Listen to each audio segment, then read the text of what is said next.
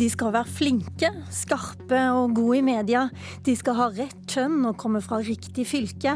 Men eh, ledelse, det trenger ikke statsråder nødvendigvis kunne så mye om, selv om de skal være med i landets viktigste ledergruppe.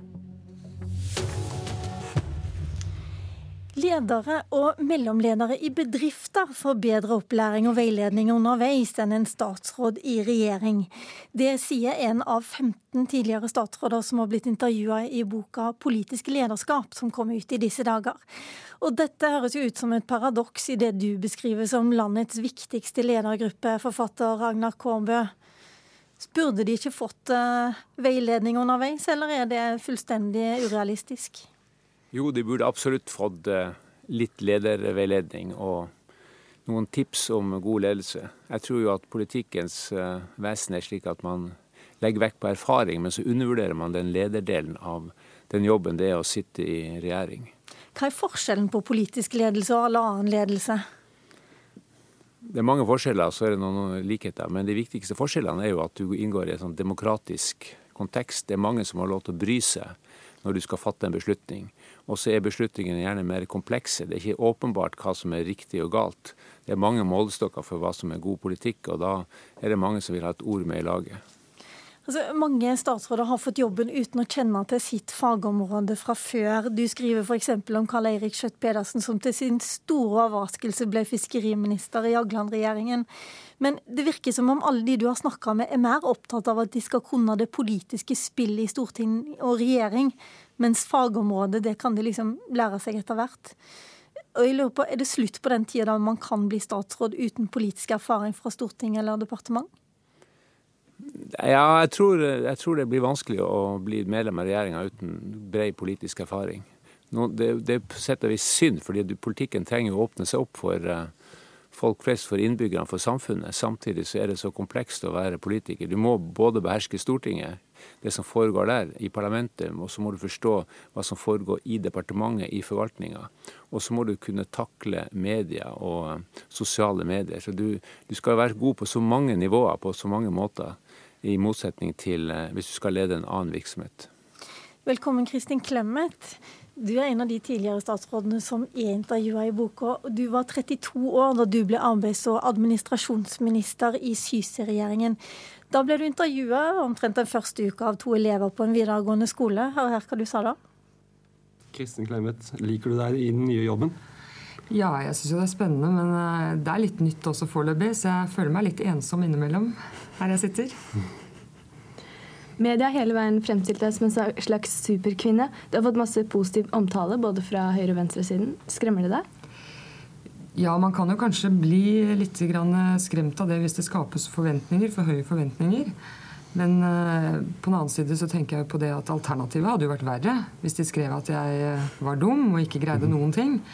Men det jeg tror at i det lange løp så er det bare det arbeidet du gjør som, som teller. Og da er det om å gjøre å jobbe hardt. og ha litt perspektiv på det man gjør, sånn at man ikke jobber altfor kortsiktig. Altså, Clement, Du hadde jo allerede da lang erfaring fra politikken, fra ungdomspolitikk og regjeringsarbeid. Og du kom inn i et svært departement på et tidspunkt da landet hadde for 144 000 arbeidsledige. Og det du svarer er altså at du følte deg ensom? Jeg tror mange gjør det. Men jeg kan si jeg har blitt statsråd senere også. Første gang hadde jeg ikke veldig mye eh, ledererfaring, eh, annet enn det man får i ungdomspolitikken osv. Og, og det var en veldig bratt læringskurve. Andre gang så hadde jeg mye ledererfaring, og det hadde jeg veldig god nytte av i departementet. fordi mange tenker nok ikke over hvor stor lederoppgave det er å lede et departement med mange hundre medarbeidere og underliggende etater. Hva råd var det du fikk, da? Og veiledning underveis? Ja, jeg husker jeg Første gang søkte jeg råd hos eh, faren min. Eh, og jeg tror det viktigste rådet man kan eh, gi, det er at man må bygge et tillitsforhold til, til de ansatte i departementet. Og være åpen og ærlig, særlig om det man trenger hjelp til. For det står noen hundre mennesker klare til å hjelpe deg. Og du skal jo da forsøke å oppnå resultater gjennom disse medarbeiderne. Og det er umulig hvis ikke du har et åpent og tillitsfullt forhold til dem. Burde statsministre etterspørre mer ledererfaring før de eh, får eh, nye statsråder? Jeg tror ikke det er så dumt, for jeg tror det som skiller da dette med å bli utpekt som statsråd kontra andre lederstillinger, det er jo nettopp rekrutteringsprosessen. Hvis man skal rekruttere en leder til eh, en bedrift i privat sektor eller mange offentlige virksomheter, så er det jo svære prosedyrer for å finne den riktige personen med den rette kompetansen og de riktige lederegenskapene. I politikken så leter man etter masse egenskaper. Du nevnte dem selv innledningsvis. Det kan være kjønn og landsdel, om du er flink på TV osv. Men dette med lederegenskaper har nok kommet i bakgrunnen. Og vi vet ikke så mye om dem. Eh, før de er blitt statsråder. Så i hver regjering vil jeg si at det kommer inn folk som enten har erfaring som leder, som har talent som eh, ledere, men også statsråder som ikke skjønner seg på ledelse, har lite erfaring og kanskje ikke greier å bli gode ledere. Og det kommer det veldig mye dårlig ut av. Vi skal komme nærmere inn på det, men eh, altså, en av de som er intervjua også i boka, er Bjarne Håkon Hansen. Og han uh, gir det rådet som mange gir, nemlig at man må vite hvor man skal hvis man skal bli en god statsråd. Og det han sier, er at uh, hvis ikke man klarer å fortelle hva som er planen i løpet av en kort heistur, så er man for dårlig forberedt. Sånn eh, plan det hadde du, Inga Marte Torkelsen, allerede i 2001. Eh, velkommen skal du være også. Tusen takk. Eh, da du skulle bli stortingsrepresentant, så hadde du altså planen klar. Vi kan høre litt på det også.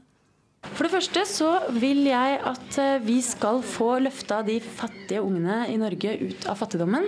Jeg vil at vi skal investere oljefondet vårt sånn at det i hvert fall ikke gjør livet verre for folk.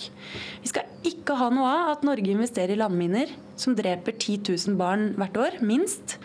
Så det vil jeg kjempe for. Og så vil jeg eh, jobbe for at eh, det blir mindre vold mot kvinner i samfunnet vårt.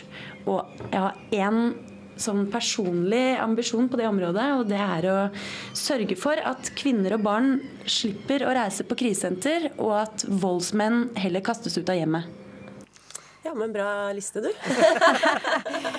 Elleve år etterpå så fikk du drømmejobben. Du kunne gjøre noe med akkurat de tingene som du gikk inn i politikken for. Var du godt nok forberedt etter elleve år på Stortinget? Ganske godt forberedt, ja. Jeg er utrolig glad for at jeg fikk såpass eh, god tid på å sette meg godt inn i politikken og tenke nøye gjennom hva det var jeg ville, og samtidig også få være med både fire år i opposisjon.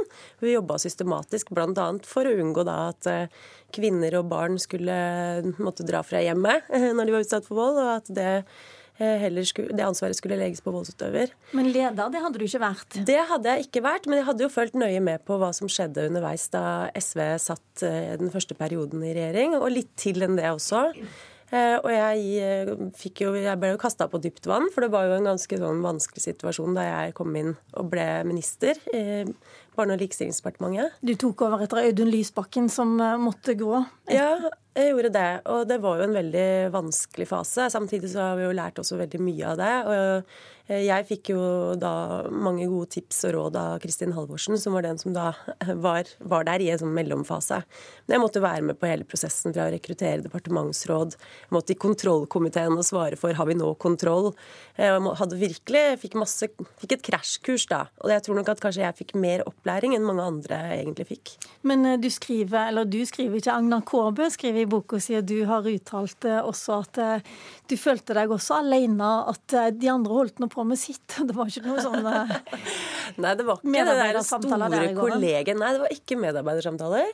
Eh, og det var ikke liksom sånn der ordentlig kollegium. Det var mye alles kamp mot alle, opplevde jeg. Det kan godt hende at det var forskjellig der. Eh, Kristin har alltid vært veldig flink, Kristin Halvorsen, veldig flink til å ta vare på sine folk. Hun ser deg, og hun er veldig, veldig, veldig flott. Eh, men det var ikke så fra statsministerhold er veldig mye godt å si om Jens Stoltenberg, men han var ikke spesielt liksom eh, omsorgsfull eller opptatt av å undersøke at alle statsrådene hans eh, trivdes og hadde det de trengte. Hvor uh, ligger problemet, Agnar Kårbø? Hva, hva, er det som, altså, hva er det vi velgere, da, eller vi som er politisk interesserte, skal være bekymra for når statsråden ikke kan mer ledelse? Nei, Velgerne skal i grunnen ikke være bekymra for det. De forventer jo resultater. Det er jo de som er oppdragsgiverne til politikerne i, i siste og første instans. Og, og, så kan du si at uh, når du er med i regjering, så spiller du på A-laget. Da er det ikke tid for å gå og si at dette er en vanskelig jobb. Det er som Grete Farmo sier i boka, at du har ikke krav på spesielt mye medfølelse når du sitter i en sånn maktposisjon. Men samtidig så er det mennesker. De blir utsatt for et voldsomt arbeidspress, de blir utsatt for et voldsomt mediepress. Det er en haug med saker, og de er store og de er små. i en salig blanding. Og de skal ta avgjørelser som stort, stort sett er vanskelige. Og da er det klart at uh, den der menneskelige komponenten, hvordan klarer du å gjøre disse folkene enda litt bedre? Hvordan klarer du å ta vare på dem? Den, det bør jo oppta enhver statsminister. Bondevik han innførte jo medarbeidersamtaler. Så blir det alltid være en diskusjon hvor godt det kan fungere i et sånt kollegium.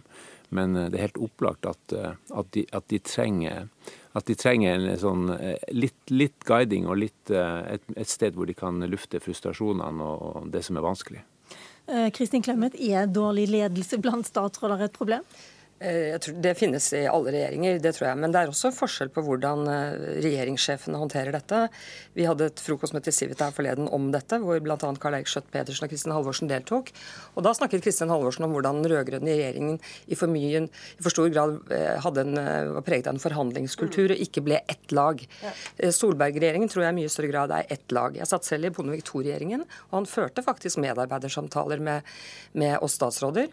Og da han spaserte til og med inn i våre departementer, det var ikke slik at vi kom til han engang, så fikk de omtrent sjokk i Utdannings- og forskningsdepartementet hvor jeg var, at statsministeren rett og slett kom dit for å føre en medarbeidssamtale med, med meg. Men man trenger, Det er ikke alle statsråder som trenger det, men det er viktig å, å få litt hjelp, litt kursing kanskje, i, i ledelse. fordi Eh, hvis man ikke er god leder, så kan man jo for det første plage vettet av medarbeiderne i departementet. Det er nå én ting. Men man kan også lett fatte dårlige beslutninger. Men man kan også, sier du. Men det skjer vel? Ja, nettopp. Og jeg tror jo f.eks. da vi Det er ikke så ofte vi får kikke inn i forvaltningen, men vi fikk gjøre det litt i forbindelse med 22. juli-kommisjonen, uten å gå inn på selve hovedsaken.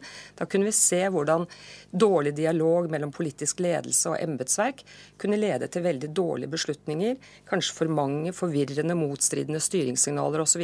til underliggende etater. Og det er farlig for de tjenestene de skal levere til borgerne også. Så dette er faktisk et, et viktig tema for flere enn statsråden, etter, etter min oppfatning. Men er ikke det så enkelt som at dårlige statsråder de får dårlige terningkast, og de blir bytta ut etter hvert? Nei, det, det er akkurat det som er poenget her. fordi du ser ikke på utsiden hvilke eh, statsråder som er gode ledere og ikke. Det kan være statsråder som utad fremstår glitrende som talere, de er flinke til å debattere, de er flinke på Politisk kvarter, men likevel kan være svært dårlige ledere, og omvendt. Litt usynlige, kanskje grå statsråder utad, som er glitrende ledere innad. Torkelsen? Men må huske på at det å være statsråd det innebærer jo at du skal fylle et mangfold av funksjoner. Sånn at uh, vi må ikke liksom bli helt nærsynte på den, den, Hva er det der med ledelse, da? Den ledelse, ledelsesoppgaven er veldig, veldig mye. Ikke bare å lede selve departementet, men du skal lede masse prosesser. Uh, sånn at du skal egentlig ha enormt med kunnskaper og kompetanse, også personlige egenskaper. Eh, og jeg vil jo bare minne om Selv om jeg er enig med deg veldig mye, Kristin. Eh, og jeg syns at det er for dårlig opplæring. Jeg savna det, ikke minst en skikkelig introduksjon i lovverket. Eh, forvaltningsloven, arkivloven og alt mulig. Nå fikk jo jeg en god del av det, men allikevel burde vært mye mer av det. Er det men, forskjell men, på byrådsjobben som du har nå? Nå er du byråd for oppvekst og, og, i Oslo. Det er ganske likt på mange måter. Eh, og det er i hvert fall like mye å gjøre. Eh, og du er jo tettere på også, så folk forventer jo at du skal rydde opp i veldig mye mer veldig rask, mye raskere også. Men jeg har lyst til å minne om at innenfor næringslivet så er det veldig mange udugelige ledere, altså. Så det er ikke sånn at selv om du har et rekrutteringsfirma som har gått gjennom og sånn, så er det noe garanti. Og en ting er liksom selve le det lederskapet, å vite hvordan du skal få med deg folk, eller uh, hvordan du skal tenke strategisk og sånn, men det er også noe med holdninger og sånn. Husk på metoo, da. Eh, ok, Du kan være en utrolig god leder, men fullstendig uten dømmekraft. Men at Kårbøs bok kommer nå, det er i grunnen et tegn i tiden. For jeg tror det er en viss bedring her. Da jeg gikk inn i Syse-regjeringen, så fikk vi to råd. Det var å ta tran og sjekke innkurven. Men da Solberg-regjeringen tiltrådte, så hadde de i hvert fall en hel dag med kursing bl.a. i alt det formelle du mm. nevnte, mm. men også i ledelse. Kurs, det er ja, mange det er mye, det er mye, det, det, har de kastet på seg mye i det politiske. Kårbø, hva kjennetegner de som får det til helt til slutt her nå? De har prioriteringene klare, og så klarer de å holde fast på eh, de viktigste sakene. De vet hva de vil, de har noe de brenner for. Og så klarer de å håndtere dette eh, daglige presset, men eh, de mister ikke de, mister ikke de store sakene av syne. Jan P. Syse han sa at de gamle sjømennene navigerte etter stjernene, ikke fordi de ville dit, men fordi de skulle holde kursen. Og det var jo et ord han brukte for god politisk ledelse òg. Hjertelig takk skal du ha, Agnar Kårbø. Hjertelig takk også til Kristin Clemet og Inga Marte Torkelsen som var her og snakka om politisk ledelse. Mitt navn det er Lilla Sølhusvik, og jeg må be dere høre på oss igjen i Politisk kvarter i morgen tidlig. Men nå følger man selvfølgelig videre på Nyhetsmorgen her i NRK P2 og Alltid nyheter.